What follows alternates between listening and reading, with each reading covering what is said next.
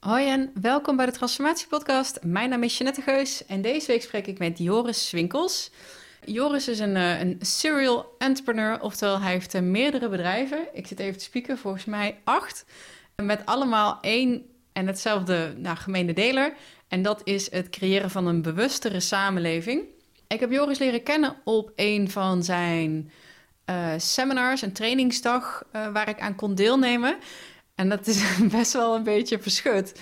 Want ik heb best wel moeite gedaan om daar een, eh, een, een goedkoop kaartje voor te krijgen. Of volgens mij zelfs gratis via via. Helemaal blij. dacht, oh, dit is echt een super tof onderwerp. En consciousness. En dat bedrijf waar, waarvoor hij toen stond heette um, Conscious Cowboys. Helemaal te gek. En ik kwam daar en ik zat zo niet lekker in mijn vel. En het was zo niet de plek waar ik op dat moment moest zijn. Dat ik uh, volgens mij zelfs niet eens de pauze heb gewacht. Maar echt totally embarrassing de zaal ben gelopen naar huis gaan. Ik heb me wel netjes afgemeld bij even de organisatoren en even uitgelegd wat er aan de hand was. Maar desniettemin is het verhaal wat Joris daar toen deed over hoe ons ego uh, ontstaat en hoe we ons uiten als kind en hoe de buitenwereld erop reageert en hoe het zo langzaamaan jou vormt tot wie jij bent, vond ik heel erg verhelderend. En denk, oh ja, ja, dat is inderdaad, als je er zo naar kijkt, zo kan ik het heel makkelijk uitleggen. Dus had ik heel veel bewondering voor hoe je dat zo heel een heel complex iets heel helder kon verwoorden. Dus hij is uh, in mijn achterhoofd blijven sluimeren.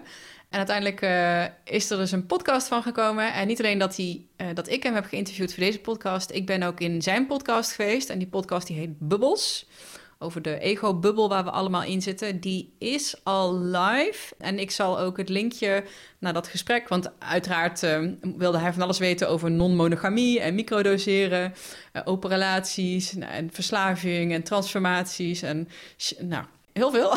ik vond het een heel tof gesprek. Hij zei, ja, normaal duren die podcast uh, drie kwartier, een uur. En volgens mij hebben we bijna twee uur zitten kletsen. Ik was ook zo laat dat ik de afspraak daarna, die ik eigenlijk had, ook niet meer door kon laten gaan. Maar goed, dat gebeurt als je een podcast maakt en helemaal in flow zit. Dan ben ik totaal niet meer bezig met de tijd en alle andere afspraken en mensen die op mij zaten te wachten. Dus het was meer dan de moeite, meer dan de moeite waard. Waar wij het in deze podcast over hebben, is eigenlijk dat stuk van: hé, hey, je kon dat toen zomaar uitleggen. wil je daar nog wat meer over vertellen? En dat doet hij dan ook. Dus eh, ik vond het heel verhelderend en heel inspirerend. En ik, uh, ik hoop jij ook. En zoals je me vorige week al hoorde zeggen, ja, ik ga dus niks meer uh, pluggen. Ik, sterker nog, ik heb zelfs besloten om. Want ik had me heel enthousiast aangemeld als uh, spreker uh, eind vorig jaar. En ik ook um, op de website al ook gezet. En op LinkedIn denk ik, ja, ik wil ook heel graag uh, seminars gaan geven over bewust leiderschap. Over alle thema's uit deze podcast. Ook daarvan denk ik nu, nee. ik ga me focussen ik wil dit, ik wil een impact maken met de gesprekken die ik heb. En uh, ik hoef niet zozeer op een podium te staan. Laat mij maar een beetje zo aan de zijlijn staan en een, een podium bieden voor interessante mensen zoals Joris. Of uh, volgende week heb ik Anatol, dat is de directeur, de founder van New Life University. En ook dat was echt ja, fantastische ontmoeting. Dus dat ga ik allemaal niet doen. Dus uh, niet meer spreker zijn, niet, geen dagvoorzitter zijn of al dat soort dingen. Gewoon mooie content maken die mensen verder helpt. Als deze live komt, is het de tiende. Dus dan zijn we net begonnen met de eerste Live Crafting Practitioner groep. En dat is echt helemaal cool. Ik denk dat je vandaag even op Instagram kan kijken. En daar vind je daar wel wat, uh, misschien wel wat Insta-stories over. Maar wat ik vorige week nog niet heb gedeeld. En ik had natuurlijk vorige week gezegd: hey, ik wil dus deze nieuwe koers gaan varen. Ik krijg daar trouwens ook ondersteuning bij. Er komt een hele mooie, of ik hoop dat het heel mooi gaat worden, een nieuwe uh, plaatje van de, de, de podcast cover. Want ik denk, ja, dat past echt helemaal niet bij uh, wie ik ben en wat ik doe en wat ik met die podcast wil. Dus daar wordt aan gewerkt. Uh, ook aan hoe ik ga communiceren op LinkedIn en Instagram. Eigenlijk ben ik het een beetje helemaal beu, al dat ego geblaad op Instagram. Stom is dat. Maar goed, ik heb wel wat plannen en misschien ook wel wat dingen waar jij mij bij kan helpen. Um, want ik wil heel graag bijvoorbeeld een betere audio-kwaliteit en een betere beeldkwaliteit. Nou, ik heb al geïnvesteerd. Ik heb twee nieuwe microfoons en popfilters. En ik heb een nieuwe recorder, nieuwe uh, microfoons en kabeltjes. Al die shit allemaal geregeld. Alleen met die camera's opstellen op locatie, het is en blijft gewoon altijd een beetje hannessen. En ik baal echt verschrikkelijk. Dan is er een heel tof gesprek geweest. Bijvoorbeeld uh, Joris heeft die opname van Bubbles heeft hij met mijn apparatuur ook gemaakt, want dat stond toch allemaal al klaar.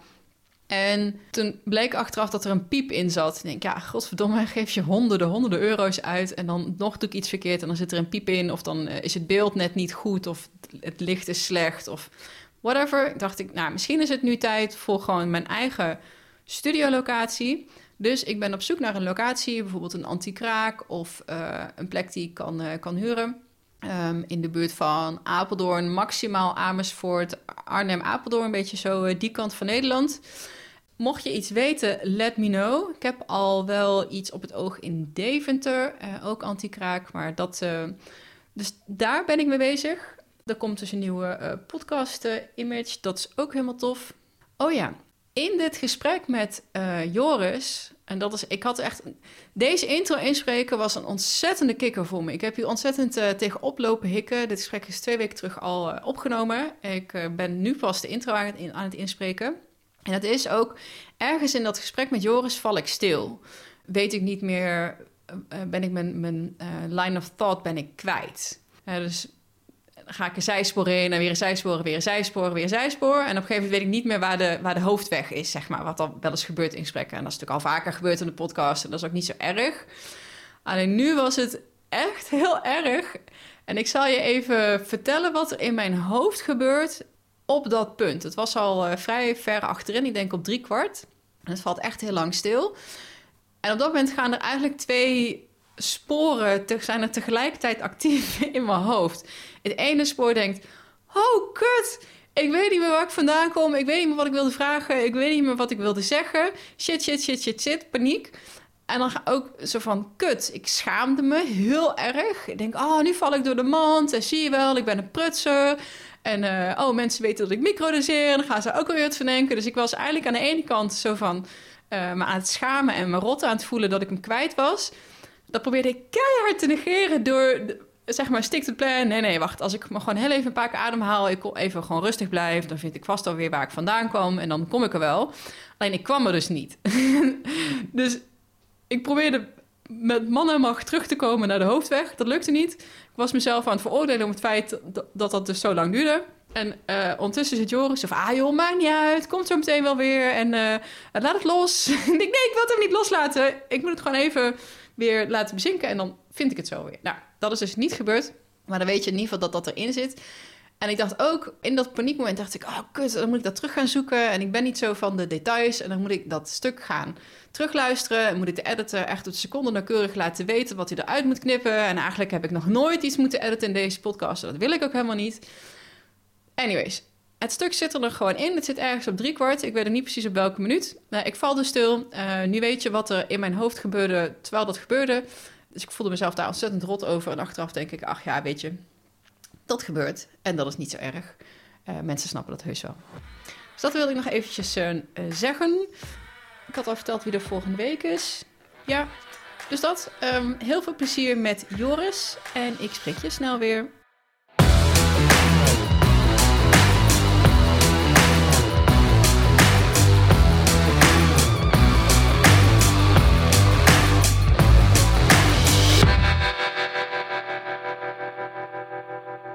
Joris, welkom in de Transformatie-podcast. Ja, leuk. Conscious Cowboy. Ja. Onder ik andere. Ik wou, ik wou net zeggen, van, oh inderdaad, ja, ja klopt, Conscious Cowboy. Ja. Althans, zo heb ik jou uh, ontmoet. Ik dat ben klopt. op event uh, voor jou geweest. Ja. En toen stond jij heel uh, in, in de meest heldere woorden die ik volgens mij ooit heb gehoord uit te leggen hoe ons ego vanaf kinds af aan wordt opgebouwd en hoe die overtuigingen die daar aankleven zo langzaamaan jou worden. Nou, ja. dat vind ik nou echt leuk dat je dat zo zegt. Ja? Ja, want ja, ik, ik hoor dat van deelnemers ook wel vaker. Van, ik, dat ze zeggen van ik weet niet wat je precies doet, maar je komt zo binnen. En met zo weinig kom je zoveel binnen. Um, ja, en ik vind dat heel leuk om te horen. Maar ik kan me herinneren dat jij maar heel kort nog op dat event geweest bent. En dat, dat je dan dit deelt, vind ik echt heel... Ja. ja, dat raakt me wel. Dat was heel raar, want ik had daar helemaal zin in om naar jullie event te komen. En ik Ja. oh, te gek. Uh, mooie thema's, het verhogen van bewustzijn en daar medewerkers ook uh, uh, mee helpen. Dus in het bedrijfsleven, maar ook daarnaast. En, toen, en ik zat toen zo slecht in mijn vel zelf, dat ik halverwege die dag Ja, Eh, of, of nog eerder zelfs eh aan een van jouw collega's zegt van joh, ik, eh, dit is zo nu niet waar ik nu Ja. moet zijn. Sascha heeft toen even een gesprekje met jou gehad, geloof ik. Ja. Ja, ja. Ja. En dat is toch ook helemaal prima? Ja, nee, nee, het was helemaal, eh, was helemaal prima. Dus ik ben heel blij dat we nu elkaar dan alsnog even treffen. Misschien wel beter ook gewoon met eh, de microfoons erbij. Want kan je mij vertellen wat je doet of wat Conscious Cowboys is, zijn? Eh, is het meer voor het enkel? Ja. ja, Conscious Cowboys is een van de drie, vier activiteiten, bedrijven waar ik nu mee bezig ben. En Conscious Cowboys is eigenlijk ontstaan doordat ik eh, samen met een aantal trainers, hè, waaronder ook Sascha die je dus hebt leren kennen, ehm, al een jaar of tien eh, transformationele trainingen gegeven aan mensen. Meerdaagse processen. Ehm, en dat we, dat we dit af en toe ook in het bedrijfsleven deden. Maar dat we ook wel merkten van. Het bedrijfsleven is nog niet helemaal klaar eigenlijk voor het level waar, wat wij graag, waar wij willen insteken. Het bedrijfsleven is vaak nog te veel bezig met eh, alleen financiën als prioriteit te hebben. En wij, ja, wij, wij, dat voor mij, tuurlijk financiën belangrijk. Tuurlijk, we moeten allemaal eten en een boterham en een mooie auto en op vakantie. Hè, dus natuurlijk is financiën belangrijk, maar als levensprioriteit in wat ik doe en wat we moeten doen volgens mij en wat je als bedrijf moet doen, als je het op een prioriteit nummer 1 zet, dan, ja, dan ben je niet het bedrijf waar ik mee wil werken. 2, 3, 4, prima, super, moet er zeker in. Maar op nummer 1 staan andere dingen. En toen we dus een twee jaar geleden eigenlijk Ik ga heel even, want ik vind het zo vervelend om je te ontbreken, maar ik ga hem heel even iets dichterbij zetten. Ik ben bang dat je anders zo meteen niet goed, eh, te horen bent. Dat is prima. Ehm, en toen we twee jaar geleden voor een eh, groot eh, internationaal bedrijf ja, een, een managementlaag van een 120 managers. Nee, 100, ik moet niet overdrijven. Ik hou van overdrijven een beetje. Het maakt het dan een beetje mooier. Maar het waren volgens mij 100. Eh, door een aantal daagse training bracht, toen voelden we van ja, ze- beginnen er klaar voor te zijn. We beginnen eh, op het punt te komen in de wereld dat bedrijven verder gaan kijken en echt gaan kijken naar purpose en aansluiten bij het purpose ook van het individu en dat belangrijk gaan vinden en management 2020 en weet ik veel wat allemaal wat voor goede initiatieven er zijn.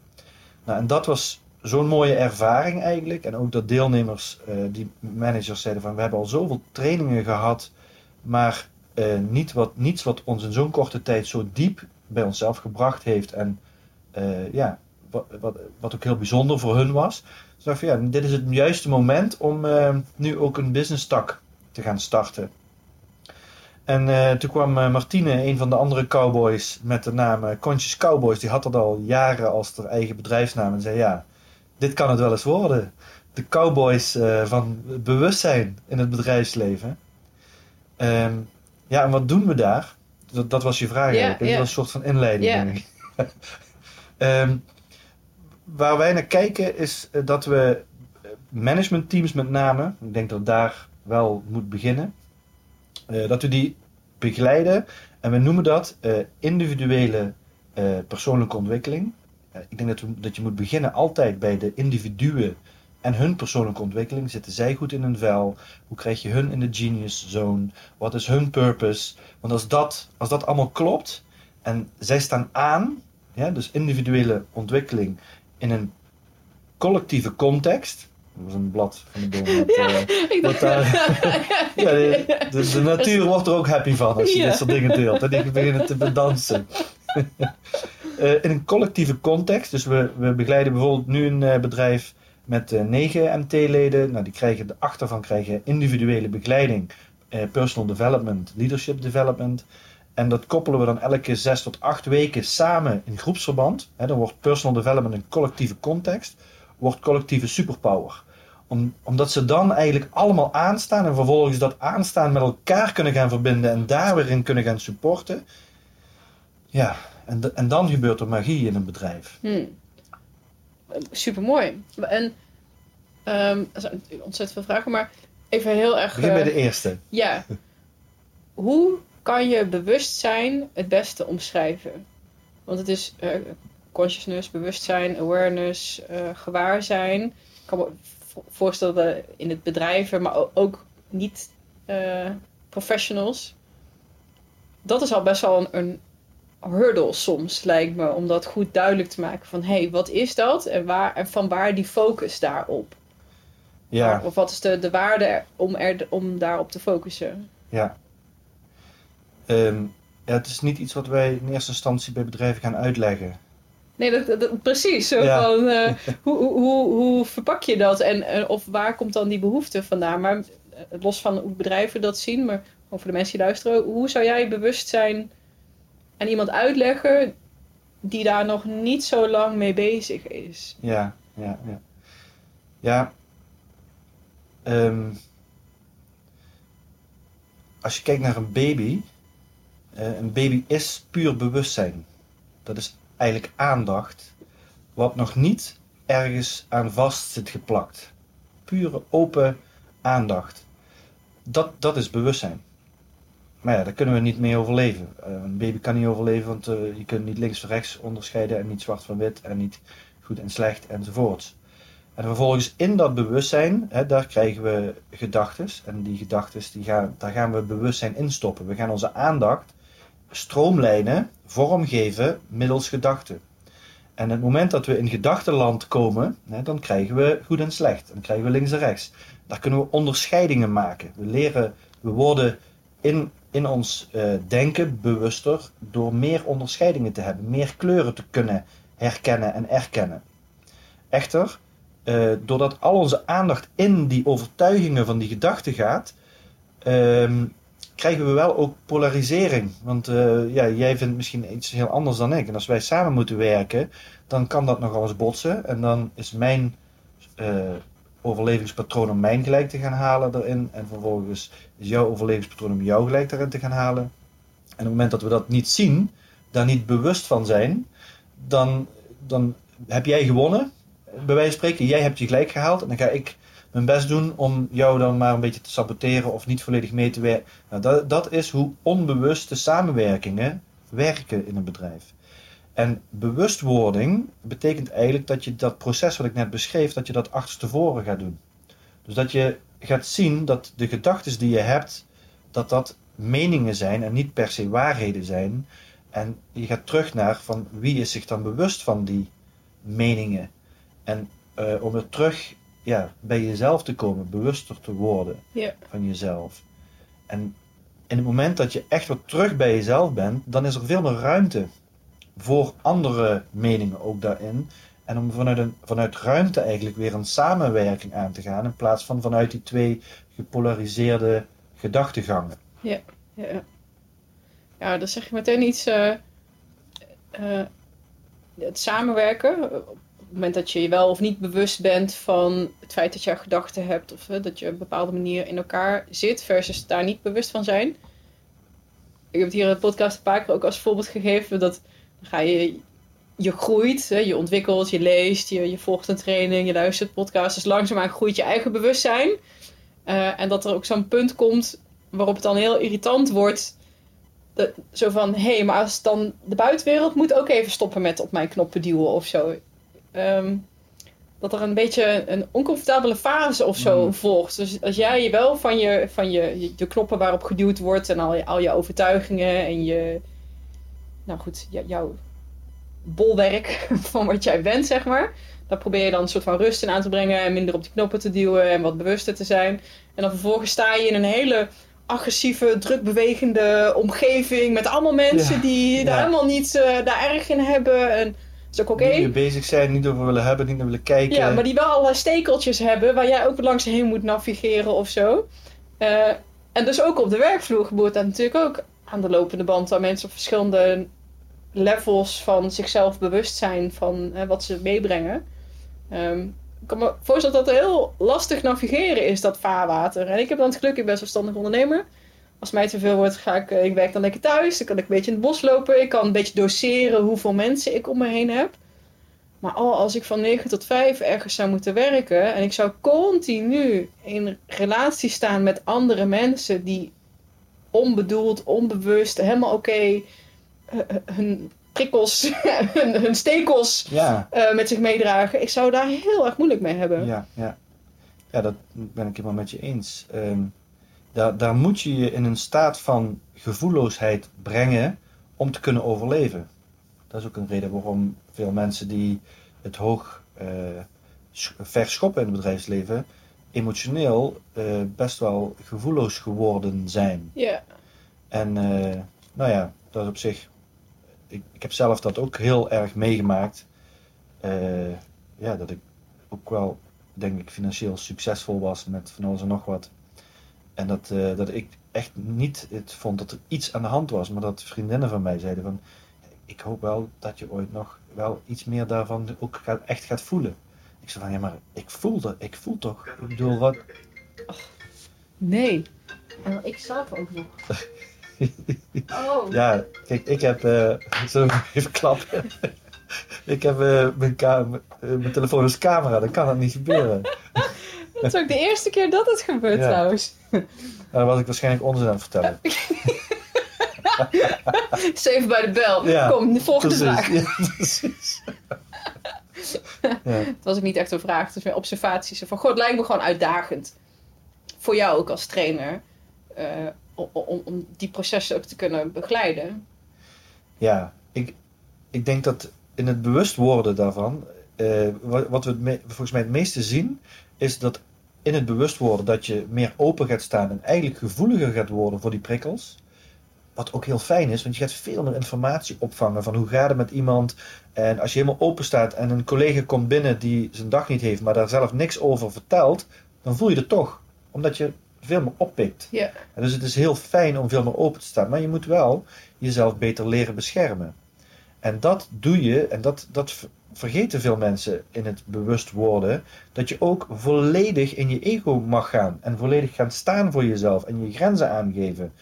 Want op het moment dat je niet je grenzen kan aangeven, maar wel overprikkeld bent, ja, dan lopen mensen continu over je heen. Ja.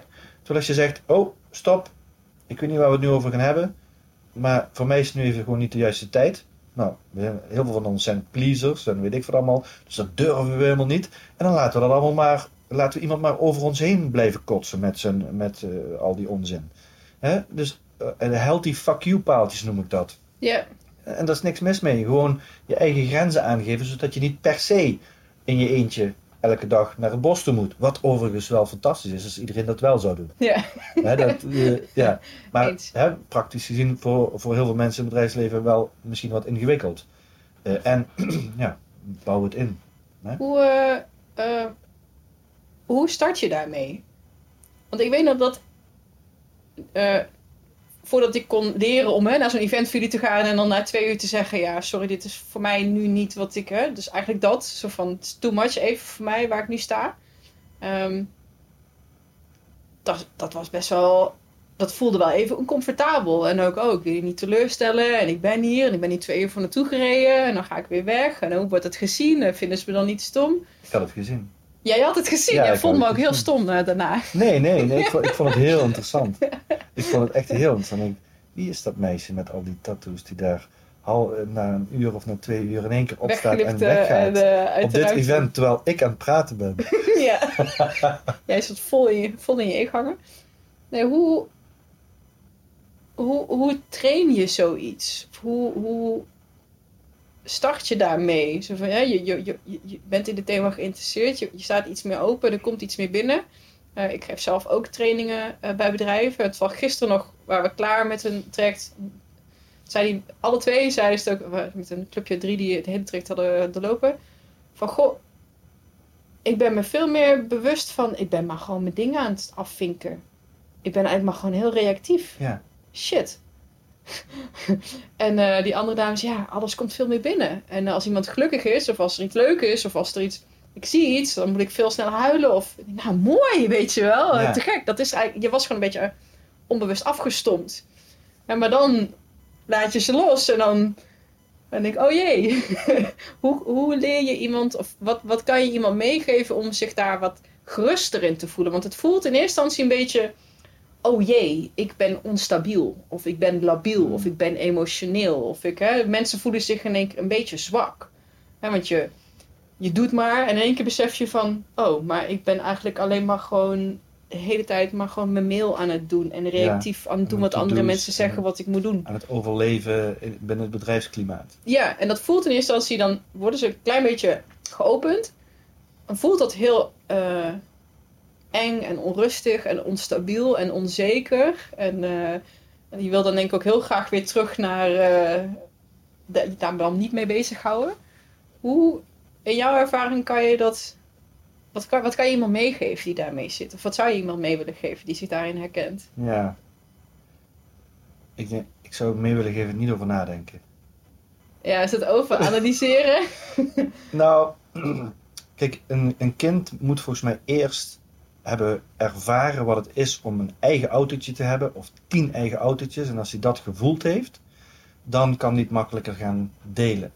Zo denk ik ook dat, we, dat je mensen die nog niet eh, ervaren hebben om, om iets te worden, om iemand te zijn, om min of meer vast te lopen in het iets zouden moeten zijn, en daar eh, op een gegeven moment in die weg erachter komen van, ja, is dit het nou?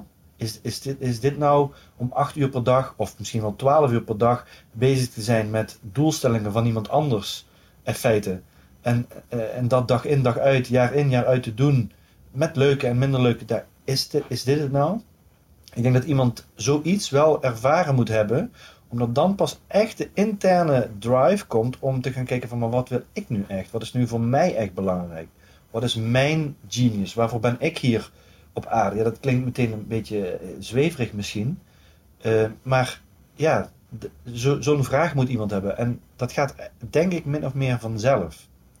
Dus volgens mij is er een soort van collectieve beweging waarin er veel meer ruimte is voor mensen om dit soort vragen, Ja. om hier echt bij uit te komen. Want we hoeven niet meer alleen maar te overleven, zoals, zoals net na de oorlog en de Ja. eerste generaties daarna. En nu komt die ruimte dat we echt mogen gaan afvragen van, maar waarvoor ben ik hier en wat wil ik nu echt? En als die vragen er zijn, dan komen ook het zoeken van het onderbewustzijn naar deze antwoorden, die komen vanzelf. En dan komen ze vanzelf in zo'n traject of bij zo'n training of bij een boek van Eckhart Tolle of weet ik veel wat. Wat dan een eerste stap is in, in één keer van, oh, hey, maar ik ben helemaal niet die gedachte. Fuck, wow, eh, en nu? Wat dan wel? Bij ons in de Conscious Living 1 training van Creative Consciousness, een van de andere dingen, is dat meestal zo'n dag drie. Dat mensen zo'n realisatie hebben van, fuck, alles wat ik dacht dat ik was, dat, dat, dat is helemaal niet zo. Maar wat dan wel? Hmm. En dat, dat is heel kwetsbaar en Ja, heel, precies. ja, eh, ja le- leeg, een leeg blad eigenlijk.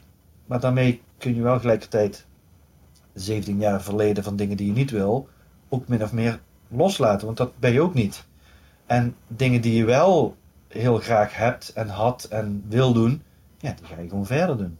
Dus het is, het is een soort bevrijding en een soort inzicht van eh, ja, dichter bij jezelf komen, wat, wat ook weer zo'n term is, maar Ja, Ja. dat is in, de- in deze scene, wil ik bijna zeggen, maar in deze tak van sport, er zijn wel een hele hoop begrippen waar je soms ook een beetje mm, contact maken. Dat, of nee, niet eh, contact maken, maar eh, Connectie. verbinden of connectie. Eh, de beste versie van jezelf worden. Ja. Het wordt ook allemaal. Het is, het ja, is lastig om daar, om daar heel scherp op te blijven. En dat ook niet in een soort van Xenos tegeltje aan de wand van te maken of zo. Ja. Ja, ja. De, ik, we, ik heb, eh, we, we, leiden coaches op, maar we leiden ook trainers op. Dus we hebben een eh, 45-tal trainers die in opleiding zijn internationaal in verschillende landen. Eh, en daar zie, je, daar zie je heel mooi hoe zo'n processen gaan.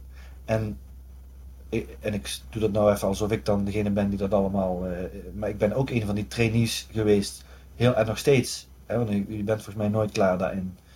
En toen ik een jaar of vier, vijf, zes misschien wel al die trainingen gaf, met die onderwerpen over die mm, ja, dingen als van wat is nu eh, het verschil tussen echt hier zijn eh, en in je verhaal zijn. Hmm. Eh, toen kwam mijn trainer, of Mark Steinberg, die die, die, die methodiek ontwikkeld heeft, die kwam van, Joris, in hoeverre ben je zelf nu echt in het hier en nu daarmee, als je dat aan het vertellen bent, of in hoeverre ben je zelf in je verhaal aan het vertellen over het verschil tussen het hier en nu zijn en het verhaal. Wacht even. Dus in hoeverre ben je echt in het hier en nu? Ja, Of zegt je verhaal dat je in het hier en nu bent? precies. Ben je aan het rationaliseren dat je in het hier en nu bent? En toen in één keer landde bij mij gewoon eh, wat ik bij hem altijd zag van hoe, hoe dat hij dingen bracht. Waarom is dat nou zo ja, anders? En er zit, ons ego maakt overal een verhaal van. En op het moment dat we een spiritueel pad of een transformatiepad of een genius zone pad, of, dan gaat ook het ego daar weer een verhaal van maken. En het moment dat ik in mijn verhaal ben daarover, dan zijn de labels hetzelfde. Maar de energie die erachter is, is compleet Ah. anders. Dan, dan, zit ik, dan zit ik weer in die gedachte te vertellen over uit gedachten te zijn. En dat, dat, dat is. Dat, ja, Ik moet meteen denken aan. ehm, ja, ik ga dus wel. ik- mensen die vaak luisteren, hebben ze nou weer over het bos. Maar ik probeer echt vaak in het bos te gaan wandelen. Is mijn en jullie moeten ook in het bos gaan wandelen. Ja, Eh, bosbaden, echt. Het bos geneest mij. Nou, niet het bos, maar alleen buiten meditatief wandelen geneest mij echt. In hoeverre ik genezen nodig heb, maar andere discussie. Ehm, en toen merkte ik ook van, hè, dan loop je daar en dan eh, komt er een inzicht of een, of een creatieve eh, iets. En dan, en, en dan gaat meteen dat soort van autobiografische zelf, dat neemt het meteen over. Dat Ja. gaat daar meteen en dan is het niet meer de inspiratie, maar dan is het datgene wat je er allemaal mee gaat doen en wat je, wie je denkt dat je gaat worden. En eh, Ja. moet je, dan moet je over posten of over schrijven of over... ja, En dan is het echt, oké Jeanette, poep. calm the fuck down. precies. Ja. Maar dat is dat. dat, dat alsof, ik, alsof er continu een ghostwriter je autobiografie wilde. Oh, en toen liep ze in het bos en toen bedacht ze dit, weet je wel? ja. Ja, En wat, weet je, dat gaat zo snel. En daar is, op zich is daar niks mis mee, want dat Nee, is hoe maar- wij ons leven vormgeven. En dat is, dat is ook een belangrijk onderdeel van ons leven. Want anders zou je alleen nog maar in het bos zitten in je eentje. Ja, eh, dan zou je Ja. geen doelen meer hebben, dan zou je geen vorm geven aan je leven, zou je geen richting geven. Eh, dus volgens mij zijn we daar ook niet voor hier. Dus het is hartstikke prima om dat te hebben, wetende dat je dat niet bent. Ja, het doel is niet om helemaal stil te, eh, of, of gedachteloos zen nee, te zijn. Voor mij niet. Voor mij ook niet. Nee. Nee. Ik vind het hartstikke leuk om allemaal met die. eh, nou ja, eh, ik heb ook wel eens gelezen van. met die entertainment bezig te zijn. Eigenlijk is alles wat we bouwen, creëren, vinden. Al onze doelstellingen. Alles wat we vinden dat we te weinig hebben of te veel. is allemaal entertainment van deze wereld. Ja, En het is hartstikke leuk om in die entertainment bezig te zijn. Zolang als je maar niet zo geïdentificeerd bent met die entertainment. dat je denkt dat het de werkelijkheid is. ja. Ja, en, en dan gaat dat... En dan denk je dat, oh, en dan komt er weer zo'n stemmetje die dan vindt, oh, wat een mooi inzicht. Nou, laten we daar eens even Ja. een, eh, iets moois van gaan maken, weet Ja. je wel. En dan wil daar weer een loopje mee nemen. Ja, Ja, heel herkenbaar. Oké, en hij legde dat uit en toen viel bij jou het kwartje van, oh, dat zijn twee verschillende dingen. twee werelden eigenlijk. Ja, En die, in die wereld van ons verhaal erover, ja, daar, daar word ik ook moe van. Want dat zijn allemaal weer meningen, daar gaan we er concepten van maken. Eh, dan, gaan we, ja, dan gaan we eigenlijk dingen die heel puur zijn en heel mooi. Want er is, ja, er is volgens mij echt niks mooiers dan echt in een mooie verbinding te staan met iemand anders. En iemand echt te zien. En ja, ik, eh, ik word daar emotioneel van. Ik, ik word er dolgelukkig van, van zo'n moment. ja, Maar die momenten ten opzichte van wanneer ik en hoe wil ik praat over verbinding en, eh, en ik, was, ja, dat het, ik, was, ik ben er veel meer over aan het praten dan dat ik het echt ervaar. Dat ik het echt ben. En dat praten erover, eigenlijk, dat is allemaal niet zo heel erg eh, interessant eigenlijk. Eh, nou, als het mensen helpt. Of, of, of Ja, het, het, het wijst ergens als naartoe. die docent van jou niet had gezegd, hey, dit zijn die twee verschillende dingen, was dat kwartje ook niet gevallen. Ja, Dus misschien is het onze taak om daar dan maar wel over te blijven praten, zo goed en zo kwaad als we kunnen. ja, dat is ook waar. Dat is ook waar. Ja, ja. Dat is ook wel wat ik leuk vind eigenlijk. Ja, dat is wel een tegenstelling Ja, daarin. Ja, Ehm, hoe, volgens mij is er heel veel vertrouwen voor nodig om dat te durven ervaren misschien. Ehm, zijn er nog andere randvoorwaarden, die, die staat van openheid en van verbinding en van terug naar je kern, als je daar nog nooit bent geweest. Ja, alsof, je, alsof het niet een actief proces, maar ehm, als je dat nooit hebt ervaren, voelt dat dus volgens mij heel. Hè, wat gebeurt er? Ehm, wat zou iemand kunnen doen om zich wat meer vertrouwen te, te geven. Je zegt wel niet te veel over nadenken, niet te veel analyseren. Is, is bijvoorbeeld zelfvertrouwen een, een, of een thema waar jij je ook mee bezighoudt? Ja. Ja, is heel belangrijk. Ja, die, die healthy fuck you pijltjes. Ja.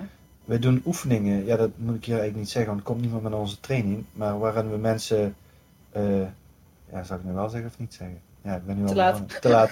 Nee, waar, waar we mensen, zeg maar, in een setting, die komt uit een eh, toneelacademie, eh, waarin we mensen in een setting tegenover elkaar zetten en, eh, zeg maar, expressie laten geven in het echt voor jezelf gaan staan.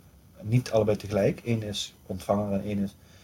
Om mensen terug weer 100% in die energie te brengen dat ze voor zichzelf kunnen gaan staan. En iedereen kan dat. Alleen omdat die energie negatief gelabeld wordt in de maatschappij en negatief gelabeld wordt door je ouders en door je broertjes en zusjes en, en school en je leert eigenlijk om die energie juist te onderdrukken, ga je eigenlijk steeds minder voor jezelf kunnen staan. Nou, daar, het is heel belangrijk om mensen daarna terug te brengen. Want op het moment dat jij weer gevoeld hebt dat je niet bang hoeft te zijn voor een ander. En dat jij je eigen rug kan hebben. Wat een rol is op zich van de vader om je dat te leren. Maar omdat we daar allemaal niet bewust van zijn, gebeurt dat allemaal maar half. Eh, maar dat kun je zelf ook. Door die eigen hand weer in je eigen rug te zijn. En dat kun je met oefeningen doen. Maar dat kun je ook met vechtsporten doen. Of dat kun je ook met andere eh, ja, mannelijk energetische principes. Waar je, waar je gaat voor bepaalde eh, kracht. Voor, ja, ja, ik heb wel wat oefeningen daarvoor, maar dat is allemaal wat lastig om uit te leggen misschien. Dus ik denk dat dat heel belangrijk is. Want als je dat weer voelt, eh, dat geeft je veel meer zelfvertrouwen om je ook open te mogen stellen. Want het openstellen kun je alleen maar doen als je je volledig veilig voelt. Ja. Dus de meeste mensen die die veiligheid niet zelf kunnen creëren, die kunnen zich alleen maar openstellen als de juiste mensen of de partner erbij ze- is, die die veiligheid voor hun maakt. En dat zijn maar hele sporadische momenten dat dat er is. En dat Ja. is echt zonde. Ik doe meteen denken aan, eh, ik heb eh, pas geleden een dame geïnterviewd, eh, was online, over mindfulness en meditatie. En die, die, die had van, nee, meditatie kan ook gevaarlijk zijn. Want als mensen gaan Oh. mediteren... Ja, ik las het voor jou. Ja. Ja, als mensen gaan mediteren, dan... ik kan me voorstellen, dat nu ik jou zo praten, denk ik... Oh, misschien is het wel het feit... Want, ik zou eerst... Sorry, we gaan even twee dingen door elkaar. Wat zij zei is van... Oké, mediteren kan, heeft ook gevaar. Want als je mensen naar zichzelf laat kijken... dan kan je ook dieper in een depressie zakken... of in die negatieve gedachten zakken. En ik was het daar niet zo mee eens met die waarschuwing. Vond een beetje... Ook een beetje... Een beetje... Ja, was nou niet, kom nou niet helemaal en denk misschien is het waar, misschien is het niet. Ik denk dat het een soort van voorstadium is dat je eerst veel meer bewust wordt van dat er een hoop shit eigenlijk Ja. gaande is. Zeker. En dat je dat ook zeker dan niet alleen moet doen als daar heel veel gaande is. Dus die waarschuwing volg ik wel. Maar om dan te zeggen, eh, meditatie is gevaarlijk. denk ik, ja, is ook niet helemaal nodig om het dan zo te belabelen. Maar nu ik jou zo praat, denk ik, oh ja, makes sense. Dat als jij je eigenlijk, je wil je openstellen, wat je met meditatie ook doet. Ja, Maar als jij nog niet veilig je kernovertuiging, niet een overtuiging is van hé, hey, ik ben veilig, dat dat inderdaad heel eh, onveilig of onstabiel of vervelend eh, voelt. Dus daar eh, dan denk ik, oh ja, Ja. nu viel het kwartje bij mij. Ja. Die interne overtuiging. En ik, bij mijzelf, ik, ik weet niet of jij de psychedelica hoek eh, comfortabel mee bent. ja zeker. Oké. Ja, geprobeerd van alles nog wat. maar, Oké. ja. Eh, een van mijn eh, eh, ayahuasca-ceremonies kreeg ik ook, voelde ik letterlijk, ik lag op mijn matje, een arm om mij heen. Eh, eh, ik, ik heb het een soort van wedergeboorte genoemd. Van, eh it's oké, je bent veilig. Ja. Het is oké, je bent veilig. Dit is, je, hebt, je mag hier zijn. Oh, wat een rust. Ja. Ja. Ehm, maar dat is denk ik dan wel echt zo'n cruciale stap. Is dat je dat in jezelf kan creëren, kan bestendigen, voordat je hem verder openzet. Of met dit soort thema's eh, jezelf bezighoudt. Ja, ja, helemaal mee eens. Ik Ja, dat is niet echt de vraag, sorry. Maar, Ik ja. denk dat je die beide paden mag bewandelen. En als je bewust bent van die beide paden, dan kun je er ook meer mee. Ja. Ehm, dat je zou moeten voorkomen dat mensen zich open gaan stellen en naar zichzelf gaan kijken. Dat past niet in mijn manier hoe dat ik het zie. Ik zei, hè, er, zal vast een, er is vast een perspectief waaruit dat klopt. Maar dan moet ik goed mijn best doen om dat... eh, Nou, wat ik erin volg is van, goh, zorg dat je eh, mensen om je heen hebt die je kunnen ondersteunen of die je kunnen begeleiden op het moment dat, dat, eh, dat je... Ja. Want je gaat wellicht dingen tegenkomen die ja, nog eh, oncomfortabel zijn of eng zijn of... eh, Ja, tuurlijk, ja. ja. En toch denk ik dat je het grootste gedeelte van die reis in je leven alleen aflegt. En dan kun kun je zes psychologen in je omgeving hebben. Ik denk dat die dan helemaal niks van snappen. Wat je, en dan kun je wel terecht om hè, support en hulp. En, maar ik denk dat inderdaad een, een paar goede vrienden en daar, die kunnen luisteren. En niet meteen hun mening gaan geven ergens over. Of niet meteen willen helpen of niet meteen willen redden. Want dat, dat sluit ook meteen eh, de deur. Hè? De- Ja. Als je gered moet worden. Of weet ik veel wat. Maar gewoon eh, eh, dat je de aanwezigheid hebt van iemand anders die de ruimte voor jou houdt. Om in die eh, energie te zijn. Want zolang als je daar gewoon even volledig in kan zijn, dan beweeg je jezelf daar doorheen. Het niet kunnen zijn met iets wat er dan opkomt, dat is wat je erin vasthoudt. Ja. En het er niet naar gaan kijken dan, is wat ervoor zorgt dat het de rest van je leven, je hele dag bepaalt. Dus er niet naar kijken is het tegenovergestelde van wat ik zou zeggen als, je, als er iets opkomt in je, in je systeem. Ja, je zou ook die reis maak je alleen. Ik vind mezelf steeds meer een soort van voorstander worden van: oh mensen, alsjeblieft, ben meer en vaker op jezelf, met jezelf, zonder afleiding. Eh, ik hoor. Hoe zie jij dat? Wat, wat is voor jou de waarde van alleen tijd? Ja, steeds belangrijker ook.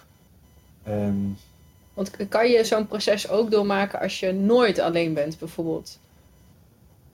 ik denk dat dat heel moeilijk is. Ja, Ja, dan moet je echt in een context zitten met andere mensen die ook op dat level bezig zijn. die je met en dan, rust En laten. dan kun je dat samen, ja. Ja, Ehm, ja en, en toch, ik, kijk, ik kan me ook voorstellen dat als je in een relatie zit en die relatie eh, loopt niet, je bent dus de hele dag wel samen en er zijn kinderen, weet ik wat allemaal, het is hartstikke druk en je bent op je werk, maar dat er toch ook daar eh, heel veel momenten zijn van eenzaamheid of van alleenheid. En eh, dat dat ook heel transformatieve periodes in je leven kunnen zijn om heel dicht bij dingen uit te komen. Ehm, al ga je even wandelen met de hond of weet Of even op de wc even Ja, een paar ja, minuten langer blijven zitten. ja, maar in dat soort momenten. eh, maar ik denk wel dat je dan niet inderdaad Netflix moet aanzetten of op Facebook moet gaan zitten of andere dingen moet doen om je aandacht, waar je aandacht naar buiten gaat daarin. Ja. Ik, mijn vader heeft Parkinson eh, gekregen een paar jaar terug. Dat is natuurlijk super vervelend. Ehm, maar ik merk nu ook dat zeg maar, dat proces van je aandacht niet meer kunnen geven aan de buitenwereld. Omdat ja, dat je gewoon de energie niet meer kan opbrengen om je aandacht ergens aan te geven waar je helemaal geen zin in hebt. Dat is ook een onderdeel van zo'n ziekte. En daardoor komt hij veel meer terug bij zichzelf, omdat er gewoon veel minder energie ook is. En ergens hoor ik, eh, als je daar deelt over, dan, eh, hij zei op een gegeven moment van, ja, s'morgens gaat hij buiten even zitten, ze zijn regelmatig gewoon dus in Spanje, en gaat hij buiten zitten en dan eh, gaat hij even lezen of zo. En dan zei hij, ik, ik, eh, ik had vanmorgen weer het gevoel van, hé, hey, ik ben chef. Hij heet chef. En toen voelde ik van, hij is echt thuis aan het komen, thuis echt bij zichzelf, omdat zijn aandacht niet meer verstrikt is in allemaal onbenulligheden, waar wij nog heel erg wel onze aandacht in hebben zitten. Mhm. Dus als je dat voor elkaar krijgt, zeg maar, eh, om je aandacht terug te brengen naar jezelf, of dat dan 10 minuten op het toilet is, of 10 minuten in meditatie, of tijdens het wandelen met de hond, of door het lezen en contempleren, of door journaling, of, of het wandelen tussen de middag, of het inderdaad naar het bos ja, dat maakt volgens mij niet zoveel uit. Ja, Het proces is er volgens mij. ja.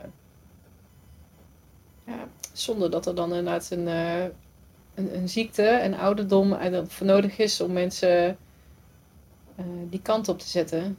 Zonde, nou, Ja. misschien niet zonde, maar fijn dat het gebeurt. Maar Ja, ja ik, schreef gisteren, eh, volgens mij hoorde ik die van jou, ik had, ik had een podcast van jou geluisterd. En volgens mij zei jij het daarin van niet alles heeft betekenis, maar je kunt wel overal betekenis aan geven. Ja. Zei jij Ja, het ook? ja, ja, ja, ja. Ja. Niet alles heeft een reden, eh, maar je kunt, we kunnen wel overal betekenis aan geven. Ja, Maar- ja. ja.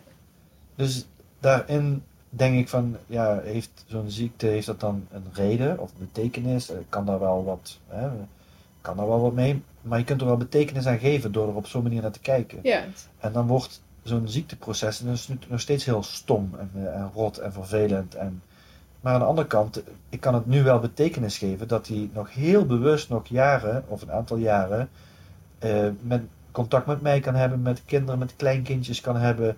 eh, dat we op een hele andere manier verbinding hebben. Dus het, het kan heel veel betekenis krijgen, eigenlijk. En ja, ja is, moeten we dan willen dat het anders is? Ja, idealiter zou je dit je hele leven hebben. Maar ja, ja, ik ben ook wel zo reëel dat ondanks dat ik hier al tien jaar mee bezig ben, is mijn leven ook niet zo. Dus ja, Dat denken mensen ook, hè? Oh ja, Ja. nee, maar jij leest zoveel Ja. boeken, jij bent zo vaak met dit thema bezig. Nou, jij bent wel klaar. ja, Nee joh, ik ben eh, barely scratching the surface. ja, ja, Ja, ik zou je wel iets heel belangrijks zeggen. En, dat, en ik blijf daar keer op keer... Wordt dat dan weer bevestigd of zo. Het leven overkomt je gewoon. Shit happens. ja, En het is maar net welk labeltje erop plakt en hoe je ernaar kijkt. En wat je ermee doet. Ja. Want eh, inderdaad, ja, het is vervelend dat hij ziek wordt. En dan, je kan helemaal in dat perspectief gaan hangen. En eh, slachtoffer en oh, en eh, weet je, het einde en aftakeling. En weet je wel... Of inderdaad, oh, wat mooi, want het is weer een volgende stap. En dat brengt je ook weer connectie met jezelf. En misschien ook wel met de kinderen of met de kleinkinderen of met de familie. Want families zijn ook, dat is wel een thema ja, ja, voor voor mezelf, maar ook wel voor meer mensen. Ja, daar kan je ook helemaal in gaan hangen. En dan is het ook dat. En die keuze die hebben wij, continu, altijd. Ja. Want volgens mij zijn er altijd minimaal twee perspectieven, maar misschien wel een miljoen perspectieven die je kan kiezen. Ja. Ja. De dingen die er gebeuren bepalen niet je werkelijkheid. De dingen die er gebeuren bepalen nooit jouw ervaring van de werkelijkheid. Het is altijd jouw relatie tot die dingen die jouw werkelijkheid en jouw ervaring bepaalt. Ja. En ja, we, hebben, we hebben nu een maatschappij bijvoorbeeld waar onze relatie tot dingen die niet goed zijn, of tot depressie, of tot angst, of tot je niet in je, lekker in je vel. Die relatie, die, die, mag, ja, dat, die is negatief, die, dat, mag er niet zijn. We moeten allemaal happy en gelukkig zijn. Eh, dat is helemaal onzin. Ik ben net, ik ben net hè, we nemen daar ook een Bubbles podcast op, hè, wat ik super leuk vind dat je daarin wil komen. Maar ik ben net ook een nieuwe podcast weer begonnen. Ik, weet, ik ben verschrikkelijk wat dat betreft. en die heet, die heet eh, TheDarkside.nu. En die gaat erover, daar willen we juist mensen spreken. Dat doe ik met twee hosts en een cameraman. En die cameraman die filmt de podcast, maar die zit, doet zelf ook mee. Dus, dus die, eh, die praat mee, maar die, die zie je niet omdat Oh, de is. ja, ja. Maar die, dat is een hele ontzettend geinige kerel. Maar eh, die podcast gaat erom om de dark side te omarmen. Om gewoon, er zijn zoveel mensen. Ik, ik hoorde gisteren eh, helaas eh, dat een nichtje van mij uit het leven gestapt is. En drie kindjes achterlaat. Dit is verschrikkelijk. En er zijn zoveel mensen die zo rondlopen en die zo'n moeite hebben met wat er met hun aan de hand is. En, en, en dat, dat er geen plaats is in deze maatschappij. En dat we het allemaal maar te druk hebben om daar ruimte voor te geven. En te druk hebben om dat te omarmen. En iedereen die eromheen zit, probeert dat naar allerbeste kunnen. We hebben zo weinig ruimte voor zo'n mensen. En, en dus dit één voorbeeld, maar de- en, en het meest extreme voorbeeld, het meest verschrikkelijke Mm. natuurlijk. Maar er zijn ook heel veel mensen die gewoon niet lekker in hun vel zitten en daar ook geen ruimte voor nemen. En, en ik, ik denk dat dat super belangrijk is dat we eh, ja, gewoon alle kleuren van het leven, dat we daar een nou ja, positieve relatie of een neutrale relatie naar hebben. Gewoon, ja, nou, als ik me niet goed voel, nou, dan zeg je een afspraak af. Dan ga je lekker op de bank liggen. Ja. Ja, of in het bos wandelen. En het is zo eng omdat het eh, heel verleidelijk is om daar in, een beetje in te zwelgen. Om daar, want in hoe vervelend niet lekker in je vel zitten ook is. Als je dan even naar mezelf kijkt, hoe, hoe, hoe sip ik dan ook soms kan zijn. Ergens voelt het ook een beetje lekker. Ja, nou, maar dan, en dan ook om daar dan eh, gisteren, nou heel stom, afspraak, ik was te vroeg. Ik dacht dat ik daar binnen kon, dat ik kon werken. Ik kreeg die persoon niet te pakken. En in één keer, achteraf denk ik, volgens mij werd ik in één keer gewoon een soort van boos. Fuck it, ik ga naar huis. Flikker maar op. En dan, eigenlijk sloeg dat helemaal nergens op. eh, wat een entitlement zeg, dat ik eh, niet even een uurtje dan eh, wil wachten of zo. Ehm, en toen merkte ik eigenlijk daarna was die vibe alweer weg. Maar het was eigenlijk net iets te lekker om er een beetje in te blijven hangen. Om, een- om een, een beetje te zeuren, om een beetje... eh. maar dat vond ik dan weer zo... Ik denk, waarom kan ik daar niet gewoon dan ook dan even uit? Maar, dan- maar dat gebeurt volgens mij heel vaak. Dat je eigenlijk wel weet, eigenlijk is de vibe al wel weer voorbij. Of is mijn verdriet, of is mijn emotie. Of wat ik dan ook maar even door mijn hoofd schoot. Wat me zo ontzettend triggerde, is eigenlijk alweer weg. Maar ik vind het wel lekker ergens. Niet, ik heb het niet echt door, maar om daar een beetje in te blijven hangen. Een beetje te zwelgen. Een Ja, beetje je, van in te wentelen. je creëert het zelfs. Ja. Ik, ik, heb van, de- ja, ik heb vandaag een post op Instagram die volgens mij exact hierover gaat. Over jezelf voelen is iets wat je nooit gekozen hebt. Dus je, jouw gevoel van hoe jij je voelt als Jeannette, hoe ik mij voel als Joris, we hebben daar een gevoel bij, hoe dat voelt. Mhm. Wanneer iets mij voelt. En dat, dat gevoel, dat is eh, ontstaan door de identificatie van, hoe, van gevoelens in ons verleden. Maar daar zitten fijne gevoelens in, rebelse gevoelens in, actiegevoelens in, succesgevoelens in. Maar er zitten ook verdrietgevoelens in en separatiegevoelens. En die, die gevoelens, die zijn ook onderdeel geworden van mijn ik-gevoel. En op het moment dat ik te lang in die actie zit, vaak, dan gaat er in mijn identiteit een soort van onheelheid ontstaan. En ga ik die andere gevoelens creëren. Ga ik situaties creëren, gedachten gaan komen die die kant op gaan, omdat ik me daardoor weer mezelf voel. Dus ik, ik creëer negativiteit, negatieve gedachten in mijn leven. Ik kies dat onbewust eigenlijk, om me volledig mezelf te voelen. En dat voelt ook nog hartstikke prima. Dat voelt ergens ook nog goed. Ja. Dat durven we niet te zeggen, maar het voelt hartstikke goed om Nee, dat zo- slachtoffer te voelen. Ja, om je even... Eventjes. Wat, is dit Ja. Dus ga er dan lekker in. Ik, ga- ik, ik probeer dan ook nu. Ik heb dat exact hetzelfde. En ik- dan voel ik, nee, dan ga ik even op de bank liggen. Dan ga ik even helemaal, de, me helemaal rot voelen. En dan ga ik misschien iemand even schrijven over dat ik me zo rot voel. Ja. En dat ik, eh, dat ik haar zo mis. En dat ik het zo kut vind dat we dit en dat. En, en even helemaal in het totale drama daarover. Om dat Mm. even. En als het dat er mag zijn, als ik het er niet laat zijn, ben ik de hele dag een beetje zagrijnig gewoon. Een beetje, klein beetje. Maar als ik het er volledig laat zijn, dan is het twee minuten, soms twintig minuten. En dan is het ook weer zo, oké. Ja, en het, en het gevaar, waar- waarom ik dat dan spannend vind. Van oké, ik snap die twee minuten en die twintig minuten. Maar het is misschien ook omdat ik heel onzeker ben geweest en heel depressief ben geweest. En god weet wat, wat nog meer allemaal. Het gevaar van, oh, ik wil daar niet in blijven. Want Ja. in het moment lijkt het zo'n, oh, en nu ben ik zo.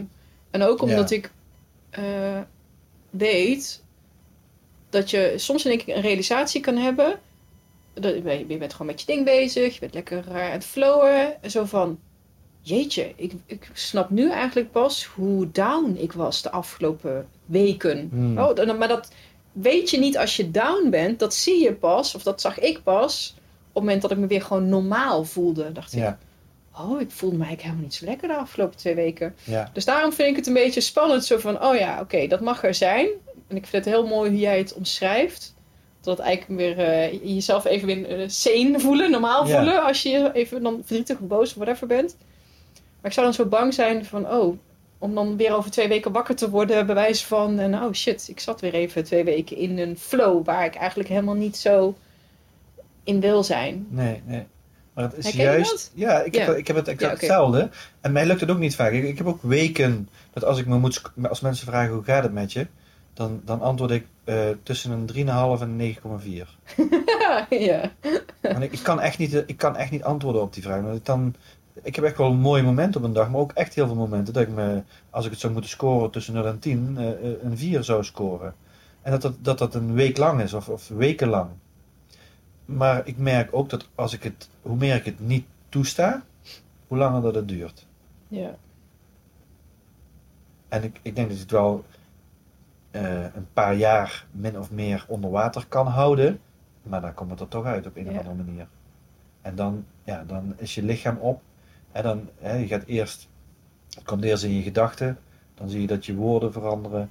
Hè, dan zie je dat je hart gaat sluiten, dan voel je dat je energie weggaat, dat je niet meer aan je commitments kunt geven 100%. En dan voel je dat je fysiek eh, vermoeid wordt en dan vervolgens word je fysiek ziek. En dan, eh, als je, maar als je al die signalen mist op al die niveaus, ja, dan kom je zo in een burn-out dat je echt geen meter meer kan lopen. Ja, ja. Maar dat, en dat komt volgens mij volledig omdat we dat stuk in onszelf niet erkennen, geen ruimte hebben. En alles wat we in onszelf niet erkennen, dat gaat op een andere manier toch naar ons terugkomen. Want het is, er- het is ook onderdeel van ons. Wat ik heel eh, mooi vond aan dat event waar ik was geweest. en- en ik weet niet of jij nog weet eh, welk eh, stukje van je verhaal dat was. Is ehm, hoe we dat bouwen, zeg maar. Want ik vertelde net, je zei van ja, jij creëert die gedachte omdat het even weer is zoals je denkt dat je net zich moet voelen. Ja, Oké, dat is ontstaan in de afgelopen 40 jaar, zeg maar. Ja. En ik vond het heel mooi hoe jij dat uitlegt, hoe dat van kinds af aan, eh, waar die bouwsteentjes vandaan komen. Weet je nog welk stukje ik dan, eh, wat ik dan bedoel, wat ik heb gehoord? en, Ik weet niet hoe, hoe want ik geef natuurlijk ook lezingen en het zijn gewoon standaard eh, eh, blokjes natuurlijk. Misschien is dat bij jou helemaal niet zo. In, in de ontwikkeling van een kind, Ja, Hoe hoe, dat? hoe, hoe die overtuiging van wie we denken te zijn, hoe we, hoe we ons onbewust denken horen te voelen. Wat je net over mij zei van, hè? Hoe, hoe zoiets groeit, hoe zoiets ontstaat. Hoe je, ehm, ja. Ja, Ik heb geen idee wat ik daar toen over gezegd heb. Maar, nou, misschien, maar volgens mij, ik, misschien kunnen we samen... ja, eh, ik denk dat ik het wel weer zou kunnen reproduceren als ik weer vooraan start. Ja, want het was, je begon met dat, eh, eh, die energie, je, die- de openheid als kind. Eh, Ja. Je, dus dat je, je, je, je, je zet stappen in de wereld, dus je, je gooit energie naar buiten eigenlijk. Hè? En dat, je wordt continu, oh dit mag niet, dit is niet goed, dit vinden we niet leuk. Dus elke, alles wat jij naar buiten zendt, eh, krijg je feedback op. Ja, Van je ouders, van je docent, van je vrienden. En al die stukjes feedback bepalen vervolgens of jij nog een keer ja, jezelf vrolijk laat. Of hè, wat je dan ook maar aan het uitstralen was op dat Ja. moment. dacht ik, oh ja, inderdaad. Dat is, je wordt elke keer, krijg je even... Ja, eh, ik was me er nooit zo van bewust dat dat zo'n grote impact heeft op als kind zijnde. Oh, dit is blijkbaar vinden ze dit niet leuk. Laat ik dat maar nooit meer doen. ja, precies. Oh, blijkbaar eh, word ik nu gestraft. Laat ik dat maar nooit meer doen. Maar dat dat... En iedereen snapt dat van, oh, je mag niet stelen. Je moet voorzichtig zijn dat je niet eh, door een auto wordt. Hè? Dus dat onze ouders ons heel erg natuurlijk veilig houden. Maar dat is veel meer dan ons alleen maar lichamelijk veilig houden. We zijn ook mentaal... eh, moeten ook veilig worden gehouden. Maar Ja, ja. Ja. trek het het weer... eh, ja, ja, ja, ja, ja. Ja. Zit van alles te En toen ratelen. kwam je ook met, je, met, je, met de, de, de, de grenzen. Om dan, eh, want als je dan niks meer van jezelf laat zien, kunnen anderen ook veel eerder over je grenzen heen gaan en dingen aan je vragen waar je misschien helemaal niet op zit te wachten. Of, of jou een bepaalde pad opsturen wat helemaal niet zo goed bij jou past. Ja, Dat je dan die paaltjes moet zetten van hé, hey, maar wacht eens even. Dit is helemaal niet eh, waar ik achter sta of wat ik wil doen of zijn. ja, ja.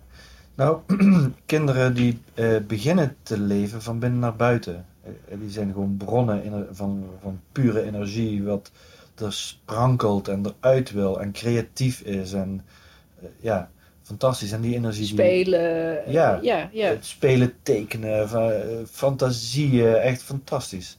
Eh, elke dag energiek, weer zin in een nieuwe dag, een opening voor het leven nog, een, een relatie tot het leven, dat het leven iets is wat groeit en mooi is en groter wordt en waarin alles kan, of heel veel kan. Ehm, en binnen die manier van zijn hebben we tegelijkertijd ook biologisch een soort overlevingsdrang, waarvoor we ook erbij willen horen. Eh, de onvoorwaardelijke liefde met de ouders, die veiligheid hebben, daarbij willen horen, dat is een van de primaire instincten die, we- die we hebben. En op het moment dat wij zeg maar, met onze energie botsen tegen dingen, eh, de agenda van mijn moeder of de agenda van mijn omgeving, dan gaat de omgeving die gaat de onvoorwaardelijke liefde onttrekken eh, door jou te separeren van hun, of boos te worden op jou, of te domineren. En dat je moet gaan doen wat zij willen. En dan ga je leren eigenlijk dat eh, je liefde onttrokken wordt als jij die expressie geeft. En vervolgens word je naar, je naar de gang gezet of naar je kamer gestuurd met je boosheid, met je energie, met whatever dat er gebeurde. En mag je terugkomen als het weer, als het weer oké is. En zo ga je, zeg maar, word je, er is boosheid, er is verdriet, er is expressie in je, in je uh, reptiele brein. Vervolgens word je gesepareerd, wat op je emotionele brein, limbisch systeem, verschrikkelijk is. Want dat is de grootste angst van een kind, om gesepareerd te worden van de onvoorwaardelijke liefde van je ouders. Dus die angst komt daarin. En vervolgens moet je naar je kamer gaan om met je rationele brein, de neocortex, daar nog een mooi verhaal van te gaan maken. Waarom dat het juist is wat daar gebeurt. En in dat proces leren wij dus een angst voor uh, connectie. Een angst de connectie kwijt te raken uh, dadelijk. En vervolgens verhalen dat het allemaal goed is, dat het zo werkt en dat we ons niet expressie moeten geven aan onszelf. Dat is zeg maar hoe, hoe dat, dat dan werkt. En elke keer dat we dan onze neus stoten, dan wordt dat de grens. En die grens, dat is de, wordt de vorm van onze identiteit. Dus we leren ons wie wij zijn, leren wij ten opzichte van de grens zoeken steeds met de omgeving om ons heen. En daardoor krijgen wij vorm, daar identificeren we mee en dat wordt ik. Ja.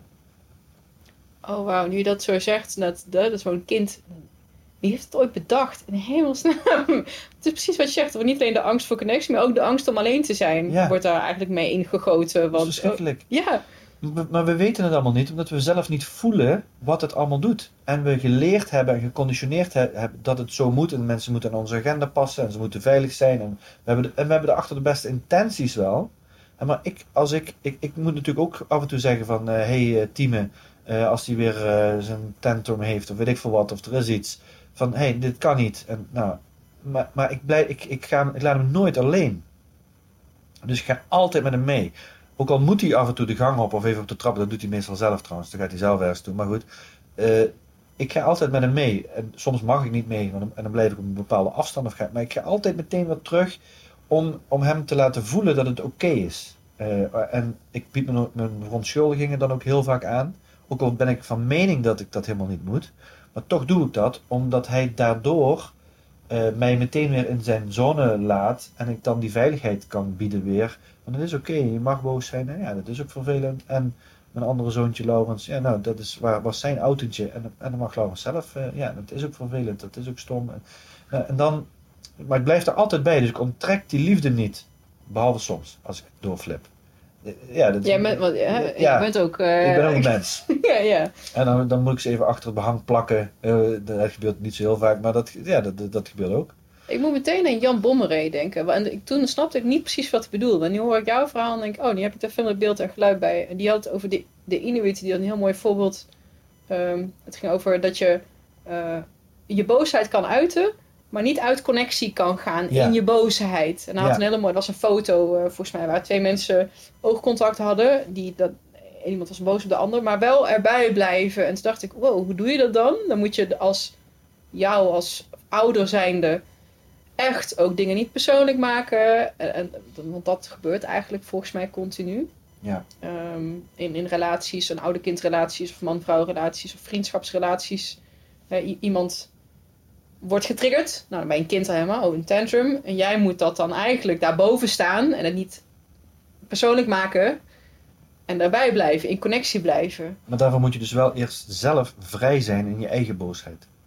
Want zolang als je niet je eigen boosheid naar 100% kan brengen, daar helemaal vrij in bent, omdat dat allerlei ervaringen in het verleden gehad hebt met negatieve emoties eraan gelinkt, of andere mensen die in hoge boosheidsenergie geweest zijn met negatieve consequenties voor jou, yeah. ben je niet vrij in die boosheid, ben je niet vrij in die energie, en is het bijna onmogelijk om als ouder in die energie van een, van het kind is daar wel vrij in, yeah. om daarin te blijven en om die space te houden omdat het bij jou dingen triggert die jij niet oké okay vindt. Dus dat triggert allemaal gedachten. Dit kan niet, het mag niet. Je mag niet boos zijn. Je moet nu daar naartoe. Je hebt niet gelijk.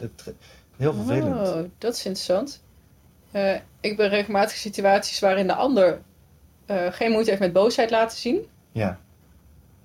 Wow, dat, dat, dat, dat gaat met, dan moet ik echt, uh, vind ik super moeilijk. En denk ook, dan, ik word dan meteen heel verdrietig. Ik neem dat persoonlijk. Ik denk, oh, dat, dat, ik voel me dan uh, verantwoordelijk voor die boosheid. Ik heb het dan verkeerd gedaan. Het grappige is, die persoon aan de andere kant, die heeft dat met verdriet. Als die verdriet ziet. Ja. Nou, zijn boosheid triggert mijn verdriet. Mijn verdriet triggert zijn boosheid. Ja. Dus ik kan je voorstellen dat dat een soort van... Ja, daarvan zijn jullie bij elkaar. Ja, nee, maar zo voelt dat ook wel ja. echt. Omdat die periodes worden, ze worden echt steeds korter. Weet je, en we kunnen er steeds makkelijker op een wat meer meta-level uh, uitzoomen. En uh, kalmeren en het dan ook... Uh... Ik wil wel eens oefening met jullie doen. ja, ja, maar dat bedoelde ik met, oké, weet je, je probeert met mijn eigen issues te dealen, maar dan, en dan wordt er even op je knoppen geduwd. En ben wel helder genoeg dat ik dan denk, hé, hey, maar ik heb nu gewoon even behoefte aan even steun als ik verdrietig ben. Maar mijn verdriet triggert jouw boosheid. En dat is nou net precies het verkeerde waar ik ook weer verdrietig word, waar jij weer boos wordt. En, dat, en we komen er wel uit hoor, dat duurt helemaal heel lang. Maar het is, dan denk ik, ja, inderdaad, wij zijn elkaars leerschool. Ja. ja. Uh, ik denk dat je een partner aantrekt om je ego te trainen. Om 100% je ego te mogen worden. 100%, want op het moment dat je 100% het mag zijn van jezelf, er helemaal vrij in bent om het gewoon een fucking asshole te zijn, en daar geen moeite mee hebt, dan hoef je het niet meer. Ja. Net zoals dat je bij karate, als je op een gegeven moment zwart haalt, dan hoef je die gevechten niet meer aan. Terwijl je, als je groene slip hebt of groen weet ik veel wat of bruin, dan moet je allemaal die gevechten nog aan met al die kinderen of jongens daar. Maar vanaf een bepaald niveau hoeft dat niet meer. En als ik, wat ik denk, is vrouwen die uh, gebruiken eerder uh, kwetsbaarheden en verdriet om te domineren. En mannen eerder de boosheid, de male energy. Dus als je dan in zo'n spelletje zit en je bent elkaar aan het trekken, dan ben je eigenlijk een dominantiespelletje aan het ja, doen. Ja, om te kijken wie het dat... Het stomme is, we hebben het alle twee door. We hebben alle Ja. twee... Hé, als jij even Ja. stopt, nee, als jij even stopt. Ja, precies. Ja. hey, hou eens op met het op mij te projecteren, weet je. Dat is, dus, Maar je doorbreekt het door te zeggen, ga maar lekker boos zijn. Kom maar, geef me alle boosheid die je wilt. Geef me alle boosheid die je wilt. ja, en dat... Of- Heel... Ja, sorry. Ja? Ja? Of omgekeerd, als hij zegt eh, van, nou, ga maar, e- ga maar even in het verdriet. Of geef het maar even. Ja, ja, ja. En dan word jij waarschijnlijk, waarschijnlijk boos. Oh. Als, hij, als, hij, als die strategie niet meer werkt en hij laat dat helemaal toe, ja, dan, Oh, grappig. Nou, vanochtend eh, eh, waren we aan het bellen. Het, het werd wel een beetje gemopper. En was het dan... Een, wat het beste werkt, heeft gewerkt... Ik, eigenlijk schiet hij daar nu een beetje van in mijn lach. Als het echt iets onbenulligs is. ja. Zo van... Gaat hij lekker? Weet je wel? We weten toch heerlijk aan mopperen. Wat heb je toch Ja. een rotleven eigenlijk, hè? Weet je? En dan Ja. is het ook weg. Maar dan is het ook niet, hé, hey, je mag niet mopperen. Terwijl ik daar eerst dan denk, oh, eh chagrijnig. Oh, is een beetje aan het mopperen. Heb ik iets verkeerd gedaan? Weet Ja. je, dan... Dat is... Ga ik helemaal terug naar, denk ik... eh, eh, ja, misschien hoe je als kind hebt ge- gezien... Oh, als er iemand boos is... Oh jee, weet je wel. alles weer doen om die onvoorwaardelijke liefde dan maar weer te voelen. En met jezelf schikken. En nu is het van... gaat hij lekker? Ja. Aan de Ja. andere kant, doe maar lekker hoor. Ik bel vanmiddag wel terug. Ja, maar dat helpt dan toch? Ja, ja, ja, nee, zeker. daarmee Daar ont- ontlaat het, zeg ja, maar. Ja, Ik was laatst in zo'n bedrijfstraining waar we ook praten over hoe ontlaat je nu die energie die je op een dag op het werk eh, oplaat. En dat kun je allerlei manieren doen. Maar één jongen zei van, nou, als ik thuis kom, drink ik altijd een glas rode wijn met mijn vriendin. En dan scheld ik en dan eh, praten we over iedereen op het werk. En dan vertel ik wat voor stomme dingen ze allemaal gedaan hebben. En als we dat glas wijn op hebben, dan is het klaar. ja. En dan denk ik, ja, ja, wat nou, je mag niet praten over mensen op het. Ja, dat vind ik ook natuurlijk allemaal. Maar als dat de manier is wat werkt om het, om het te ontladen en de- om die spanning uit je systeem te hebben, de- en daarna is het weer vrij, heerlijk. Ja, Ja. Ja, en het dan maar gewoon dan even te om. Ik vind het een hele goeie, dat dan maar even te ontarmen. Oh, kom dan maar even met je verdriet. ja, En ook wat jij zei, eh, vrouwen gebruiken eh, vaker verdriet om te manipuleren. ik Oh, wil niet stereotypen maken, want vrouwen kunnen ook heel veel boosheid gebruiken. Dus, en mannen ook. Mannen kunnen heel zielepietjes zijn. Hè. Dat, ik, ik tenminste. Nou, misschien dat, dat ik, ik, ik volg dat vrouwelijke stuk wel, of nou, dat, Ja. dat verdrietige stuk wel. Oh, waar ik me zo aan irriteer bij bijvoorbeeld mijn moeder of vrouwen, dat passief-agressieve, emotionele gemanipuleer onbewust. Oh, daar moet ik er echt nog wel wat mee. Het is eh, één grote ego-manipulatiepoppenkast. Ja, En de, de, de wapens die we daarvoor inbrengen, ja, die zijn verdriet en slachtofferrol en dominantie. En van, ja, Het vervelende is, soms ben je wel gewoon verdrietig en dan doe je dat niet omdat je iets wil bereiken, maar omdat je gewoon heel even, even een Ja. arm om jezelf eh, of nodig hebt of eh, behoefte aan hebt. Eh, dus het is niet altijd om je zin te krijgen Nee. of zo. Of eh, functioneel eh, ook, ja, manipulatief zeg maar. maar dat ga je waarschijnlijk wel steeds beter merken daarin. Wanneer je je verdriet inbrengt om je gelijk te halen ergens over, of om een punt te maken, of om de ander slecht te laten voelen. Ja. Of wanneer je het inderdaad gewoon ja, je, je slecht voelt. Als, het, als er geen eh, agenda achter zit, achter je slecht voelen. Wat ik nog... eh, je zei toen straks iets en daar wilde ik... dacht ik, oh ja, daar wil ik nog even op terugkomen. Ehm, oh jeetje. Ehm, hoe zei je dat nou? Nou, ik kon het misschien zo meteen Als je wel. niet meer kan herinneren, was niet belangrijk. Nee, Denk want dat was altijd. echt... En als het dat belangrijk was- is, kom ik wel terug. Nou, het komt vast Dan is de podcast voorbij. Nou ja. Ja, nou. Ah, dat gebeurt soms. Ik vind het echt zo irritant. Nee, ik weet het gewoon echt niet meer. Komt zo meteen wel.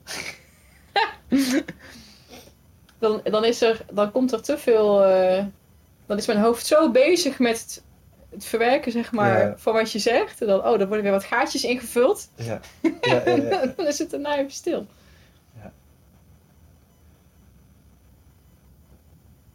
ja, laat me los. ja, dat zullen we maar doen, hè. Ja. Nou. Nou, misschien komt het wel zo meteen als eh, voor bubbels... eh, Brengen we hem in de volgende podcast. Dat is echt super irritant. Laat los. Nee, goddammit. ik, ik wilde niet loslaten. Oh, ik ga er gewoon helemaal van blozen, joh. Oké, ga even terug dan. Waar ging het over? Waar hadden we het daarvoor over? Mm, Ik weet niet meer waar we het over hadden. We hadden het over man, vrouw, dynamiek, ego, eh, je verdriet Ik weet het gebruiken. jij zei, je, je, creëert het, eh, je creëert het zelf. Ehm, en dat herken ik heel erg in de, de relatiedynamiek waar, waarin ik ook zit. Omdat het de thema's zijn waar we, waar we mee bezig zijn. Is dat je soms door de ander wordt ge- gecheckt. Zo van... eh, soms ik, kan je zelf een gedachte kan opkomen. Een angstgedachte of een onzekere gedachte. Die ah, gewoon een gedachte is. Maar goed, dat, dat verhaal, dat krijgt vorm. Dat beïnvloedt je gevoel. Je, dat beïnvloedt ook de, de vragen die je stelt. Of de communicatie. Want dat gaat een bepaalde kant op. En dan zat die persoon aan de andere kant. Zo, ja, maar eh, je creëert het zelf. is niet belangrijk. Focus je, focus je niet continu op die tekortkomen. Kijk naar, weet je wel. En dat voelt al in het moment kan ik daar zo ontzettend boos om worden. Van, ehm, ehm, en dat je, oh ja, jij zei, ah, wat gebeurt er met me? Ik kan gewoon niet meer bij mijn woorden komen. Ehm, jij zei ook, ik vertelde van, hey, gisteren werd ik even boos, ging ik weg, weet je, zo'n soort van vlaag, dat ik even wil blijven wensen. En je zei, je gaat terug naar de Jeanette die, die, eh, die, die vertrouwd voelt. Ja. En je creëert een idee of een gedachte Ja. om even terug bij dat vertrouwde gevoel. ja, dat creëer je niet bewust, maar je Nee, creëert het wel zelf. Ja, daar, daar wilde ik nog even op inzoomen. Want dat, ik moest meteen denken aan ehm The Big Leap van eh, Ja. Gay Hendricks. Ja, ja, Waarin hij zegt van eigenlijk is dat een soort van set point. Dat is, het, dat is klopt. Ja. waar we ons comfortabel voelen. Met wat we eh, waard zijn. Of wat we verdienen aan liefde en aandacht en succes en geluk. Ehm, en dat het daarom zo lastig kan zijn om daaruit te breken. Ehm, en dat we dus ook moeten leren zien. Hé, hey, er komt dan zo'n gedachte die denkt dat ik allerlei eh, dingen fout doe. Of eh, die denkt dat het niet goed gaat. Of dat ik niet leuk ben. Of die creëert dat om mij eigenlijk een beetje klein te houden. Dat is waar ik naartoe eh, wilde. Ehm, maar het is heel moeilijk om van jezelf te zien: hé, hey, waar is mijn setpunt eigenlijk? En wat doe ik eigenlijk om mezelf terug? Waarom ben ik niet groter of succesvoller of gelukkiger of rijker of wat het dan ook maar is waar je eigenlijk dan naar verlangt? Hoe kom je daarachter? Wa- Waar, waar jouw. eh, waar je wordt klein gehouden eigenlijk. Ja. Ja, ik denk dat het eh, geen zin heeft om te gaan onderzoeken waar dat je klein gehouden wordt, want dat is energie geven aan het klein houden. Dus ik denk dat je, eh, als je voor een bepaalde manier van leven wil gaan, met een bepaald niveau van succes en je wil doorbraak hebben, eh, dat het ene is dat je dat, dat vaak niet alleen kunt. Dus dat je je moet laten begeleiden in die richting, zodat je in een dynamiek jezelf eh committeert aan een dynamiek die staat voor jouw grootsheid. Dat je je omgeeft met mensen die dat ook supporten. En vervolgens in, in dat traject ga jij die dingen waar je nu naar vraagt, ga je tegenkomen. Ja. En sommige zitten in de weg, daar zul je iets mee moeten. Maar een hemel zit helemaal niet in de weg. Die, die mag je gewoon even laten zijn. En wat dat dan precies is, maakt ook helemaal geen fuck uit eigenlijk. Die mag je gewoon even laten zijn. En dan vervolgens, als je die omarmd hebt, ga je weer verder naar die richting waar je naartoe wilt. Maar het, dat stukje gaan onderzoeken, gaat je meer energie stoppen in juist die downside van die Hmm. kant. En die gaat je identificatie ermee eh, groter maken. Dus ik zou, daar, ik zou daar eigenlijk geen aandacht aan besteden. Zorg gewoon dat je regelmatig eh, een, een veiligheidshaakje hebt in de richting van waar je naartoe wilt. Ja. Zorg dat er mensen bij betrokken zijn die dat supporten en die ook staan voor jou in je grootheid. En eh, nou ja, en als je dan daar hulp bij nodig hebt, oké, dan kun je daar misschien nog iemand inschakelen die dat kan. Als je dat, maar ik denk dat de meeste mensen dat prima ook wel alleen eh, kunnen. Ik vind dat het heel zinvol advies. Gewoon daar niet, eh, misschien niet actief naar op zoek gaan. Ja, Op het moment dat het, ja, je maakt een commitment eh, om te willen groeien. En op het moment dat dat opkomt, eh we'll cross that bridge when we get there. ja. En of het nodig is of niet. Ja. Oh ja, ja. In dat de- vind ik wel een eh, hele waardevolle. In de coachopleiding die we doen, de Creative Consciousness, is dit zeg maar de, ja, de, de, een van de basisprincipes dat we met een cliënt eigenlijk nooit gaan kijken naar wat er niet goed gaat en waarom dat het niet goed gaat. Hmm.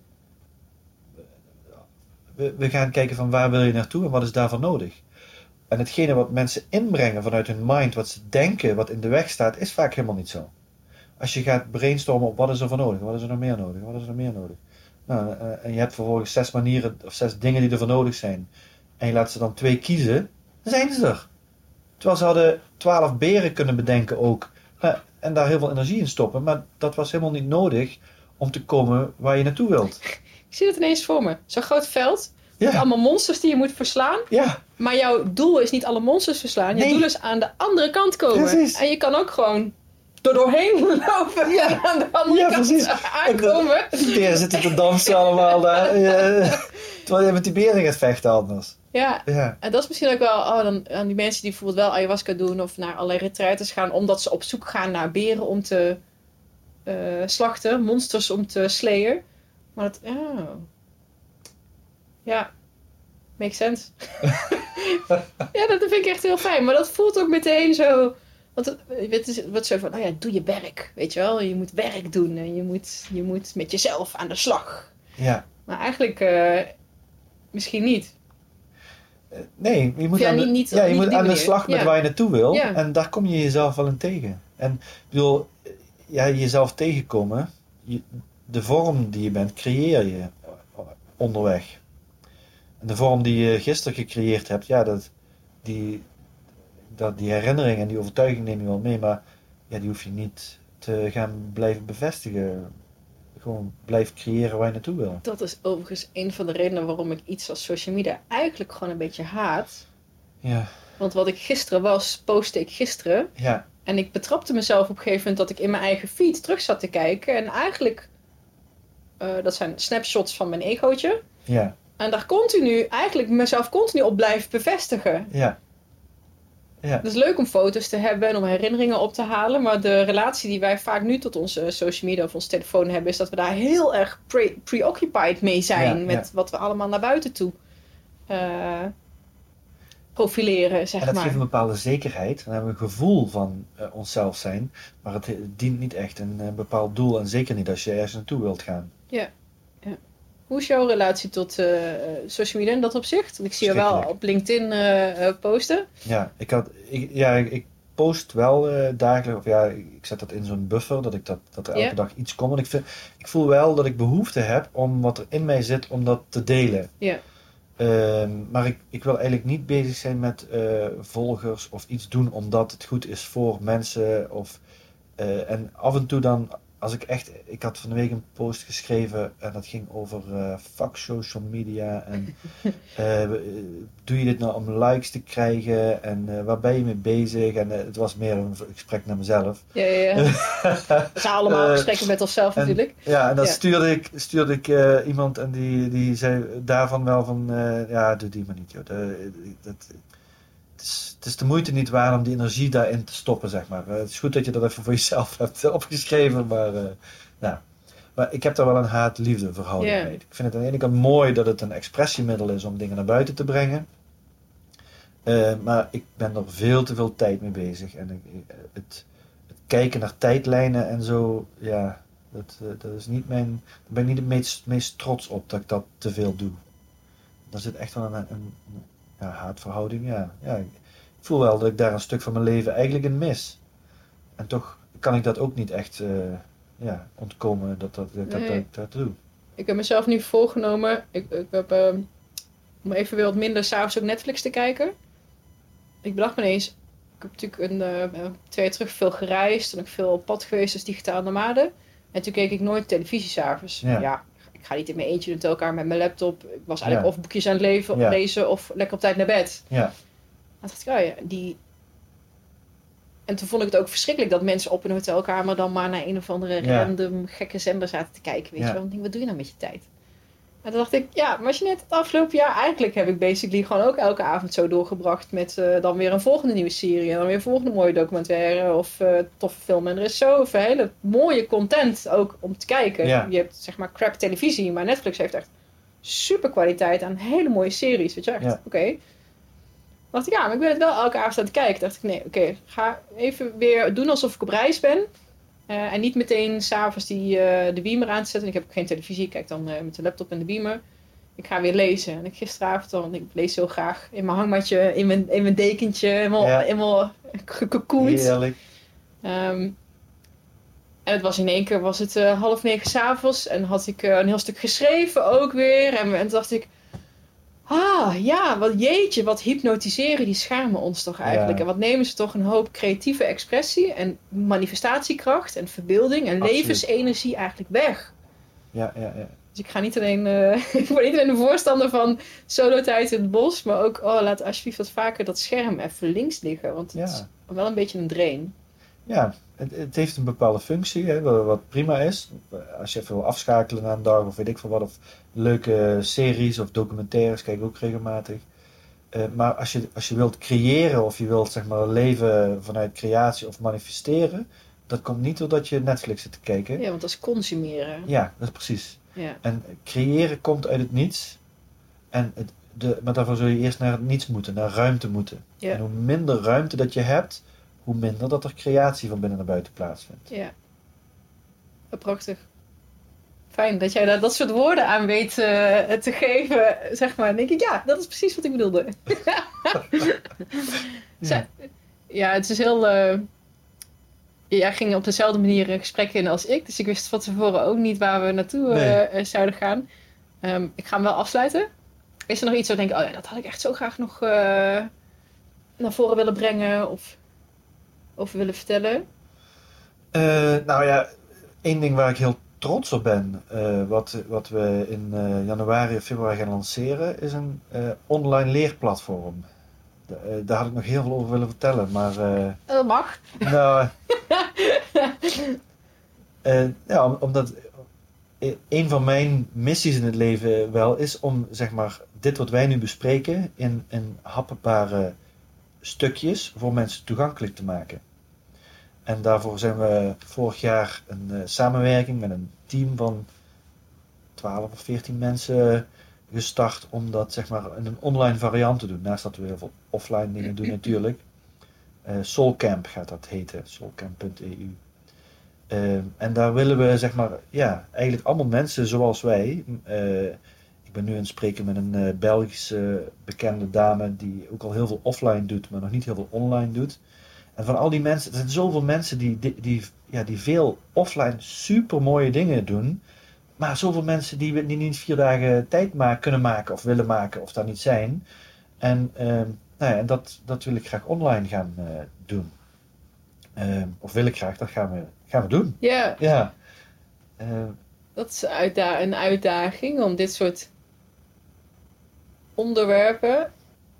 Ik, ik, doe, ik doe zelf de marketing van 12 A's. Nou, 12 A's is een andere tak van sport, zit meer op eh, praktische uitvoer. Ehm, dacht ik, hoe, hoe verpak je dat, weet je wel? Hoe, eh, als het online is, heel Kijk. simpel. Echt? Want ik bedoel, face-to-face, dan merk je heel snel, waar heeft iemand behoefte aan? Weet je wel, hoe, hoe je, dat voel je wel, zeg maar, welke richting je het op gaat. En wat je uit je toolbox, eigenlijk, ik heb een soort van, eh, zo'n eh, eh, Timmermans eh, gordel, zeg maar. Of een, dingetje bij, oh ja, misschien voor jou een beetje dit, voor jou een beetje dat. En zo kan je in een coaching, of in een gesprek of in een training, kan je mensen een stukje verder helpen. Maar als je dat aanbiedt als van online ding, denk ik, oh jeetje, maar ik weet niet hoe jij hier aankomt en wat jou triggert. En je wil ook niet, zeg maar, dan heel erg gaan trechteren, want je kunt waarschijnlijk, dit is zo breed. Ja, Bewustzijn en, en, en eh, op deze manier in het leven staan, daar kan je, dat zijn zoveel aanvliegroutes voor. Zoveel tools. Dus eh, ik hoop, eh, ik ben heel benieuwd hoe jij dat gaat, gaat doen, of hoe je dat ziet, zeg maar. ja. Kijk, op zich is het heel simpel. Want alle ontwikkeling die je doet, die, die doe je vanuit de ik-persoon die je denkt dat je bent. Hè, de- de- elk, ont- elke ontwikkelvraagstuk wat je hebt, zeg maar, komt uit jou als een vraagstuk op dit moment. En ik kan dat hier zitten en oppikken. Maar in principe zijn er een soort van eh, drie lijnen, drie of vier lijnen maar te onderscheiden. En dat is één, de stellingen die jij jezelf aanpraat. Ja, Dus wat jij zegt dat je bent. De vraagstellingen die je jezelf aanpraat. Dus de vragen die jij hebt, de vragen die jij in jouw onderbewustzijn stuurt. Dat zijn de twee belangrijkste routes waar jouw energie door gestuurd wordt. wie ik denk dat ik ben en de vragen die ik stel. Wie jij zegt dat je bent dat en de ben. vragen die je hebt over iets. Over de toekomst, over waar je naartoe wil, over hoe dat in elkaar zit. Ja. Dat zijn de twee richtingen, de twee tools die je kunt gebruiken om je onderbewustzijn aan te sturen. En vervolgens heb je misschien nog een lijn die gaat over jouw relatie tot jouw ontwikkeling of jouw relatie tot dingen die er gebeuren. Ben jij iemand die ervoor. Hè, maar dat, dat is eigenlijk de eerste weer. Want die gaat over. Als ik denk dat dingen niet kunnen veranderen, dat is een stelling op die eerste lijn, dan is het heel lastig om te ontwikkelen. Ja. Dus mijn relatie tot ontwikkeling is eigenlijk ook weer de eerste. Maar dat is een soort. Ik zie dat als een aparte lijn, want dat is wel een heel belangrijke. Mm. Als, je, als iemand ervan overtuigd is dat hij een bepaalde doelstelling niet kan behalen, dan gaat hij daar waarschijnlijk gelijk in hebben. Ja. ja? En er is nog een vierde en dat gaat over interactie met anderen. Nou, als je die vier leerlijnen, als je die ziet, eh, dat, dat iedereen, of het nou eh, ongeacht van niveau van bewustzijn, ongeacht van huidskleur, ongeacht van taal, ongeacht van dat hij altijd op die vier lijnen eigenlijk aan het bewandelen is, dan hoef je eigenlijk alleen maar eh, mooie content. En de eerste content die, ik, die we erin gaan stoppen, dat is mijn eigen Seven Senses model. Dat heb ik op die ja, businessdag ook eh, doorlopen, waar je gaat leven van binnen naar buiten om zeg maar gevoelig te worden van naar je genius zone te gaan en alle shit uit je leven weg te schrappen en daar zeven kompassen voor te hebben. Maar dat zijn een soort van korte 7, 6, 7, 8 minuten eh, awareness creation filmpjes om je inzicht te geven in hey, dit werkt zo. En vervolgens plak je daar die vier leerlijnen aan. En ja, of eh, de, als, als de content helemaal niet interessant is voor iemand, dan gaat hij er niet mee aan de slag. Maar als hij, als hij die film uitkiest, of die eh, training uitkiest, en je zorgt dat die stappen erin zitten, dan, dan maakt iemand van die content eigenlijk zijn eigen verhaal. ja, daarin. ja, ja. Want in principe hebben wij ook gewoon heel veel content geconsumeerd die ons ook weer verder heeft geholpen. Ja. Alleen je, je hebt het ge- ge- gecurated of Ja. geselecteerd voor iemand. Ja. Maar dat is dus wat anders dan als je informatie gaat verstrekken ergens over. Dan ben ik het helemaal met je eens dat het heel complex is. ja. Want dan moet die informatie, dat zijn antwoorden, die moeten dan precies aansluiten bij de vraag die iemand heeft. En dat is online bijna niet te doen. Ja, dan, ja, dan moet je naar Academy. Maar dan krijg je nog antwoorden die niet, eigenlijk niet zijn wat je zoekt. Ja. Dus, dat, dat, is, dus informatie ben ik mee eens. Maar als het gaat om persoonlijke transformatie, denk ik dat dat heel goed juist gaat. En dat je dat juist online heel gedoseerd kunt doen. En daar zitten dan ook werkboekjes bij, waar je dus die reflectievragen in krijgt. En waar je dan die stellingen mee gaat leren maken. En de vraagstellingen. Vraagstellingen zijn eigenlijk de female power van eh, je, je onbewuste ontwikkeling. eh, die, die ontzettend krachtig zijn om je onderbewustzijn te sturen. Super mooi. Wanneer, wanneer kunnen mensen daar eh, dat vinden? Ja, de, eh, die, die podcast, eh The Dark Side, nu is gelinkt hieraan. Omdat we ook zien dat we niet alleen maar bezig moeten zijn met persoonlijke ontwikkeling naar lekker in je vel en genius, maar ook dat er een wezenlijk onderdeel daarvan is ook het omarmen van alle andere dingen die er zijn. Ja. Die podcast die, zal die gaat nu in december nog online en daar is wel al een Instagram account van. Eh, en soulcamp.eu met de app. Dat wordt een website en een mobiele website en een app. Een beetje een Mind Valley-achtige Ja. look and feel ding. Eh, dat denk ik dat eind januari, begin februari. Nee, dat wordt niet januari. Dat wordt op z'n vroegst februari. Ja, super mooi project. Ook omdat Ja. het zo. Ja, ik vind het echt heel knap hoe, je- hoe jij zo heel helder, met niet eh, te veel fluff, van oh ja, die essentie kan, kan benoemen op dat meta-level. Ja. Ik vind dat echt heel, eh, heel inspirerend. Dank je, dank Ja. je. Ja, dat vind ik Ja. leuk om te horen. ik eh, kijk ernaar uit. Leuk. Ik zal je ja, een link sturen als die online is. Tof. En dan gaan we nu denk ik een, eh een Bubbles podcast opnemen. Dus voor degenen die nu luisteren. Dus we zetten het gesprek soort van voort. Maar dan moeten ze even naar... Waar vinden ze eh Bubbles? Is dat een aparte website ook? Of moeten ze dan gewoon in een podcast app zoeken? Eh, ze kunnen dat eh, bij joriswinkels.com. Daar kun je Bubbles eh, vinden. Daar vind je al mijn podcasts, maar ook Bubbles. En eh bubbles.cc is volgens mij een webadres. Maar dat komt ook bij joriswinkels.com uit. En natuurlijk in iTunes en Spotify en eh, Soundcloud. Daar vind je het ook als je op Bubbles of op mijn naam eh, zoekt. Leuk. Dan gaan we hier even de boel ombouwen. En dan eh, tot zo. Yes, superleuk. Dat was hem. Dankjewel voor het luisteren, voor je aandacht. Mocht je dit een leuke aflevering hebben gevonden, schroom dan ook niet om te delen op, in je Instafeed of eh, naar mensen te mailen of mij even te laten weten wat je ervan vond. Ik vind het echt heel erg leuk om al jullie berichtjes te krijgen. Je mag me ook altijd gewoon een mailtje sturen. Dat kan naar uh, Jeannette@12-waves.nl en als je niet weet hoe je Jeannette schrijft, dat is S-J-A-N-E-T-T.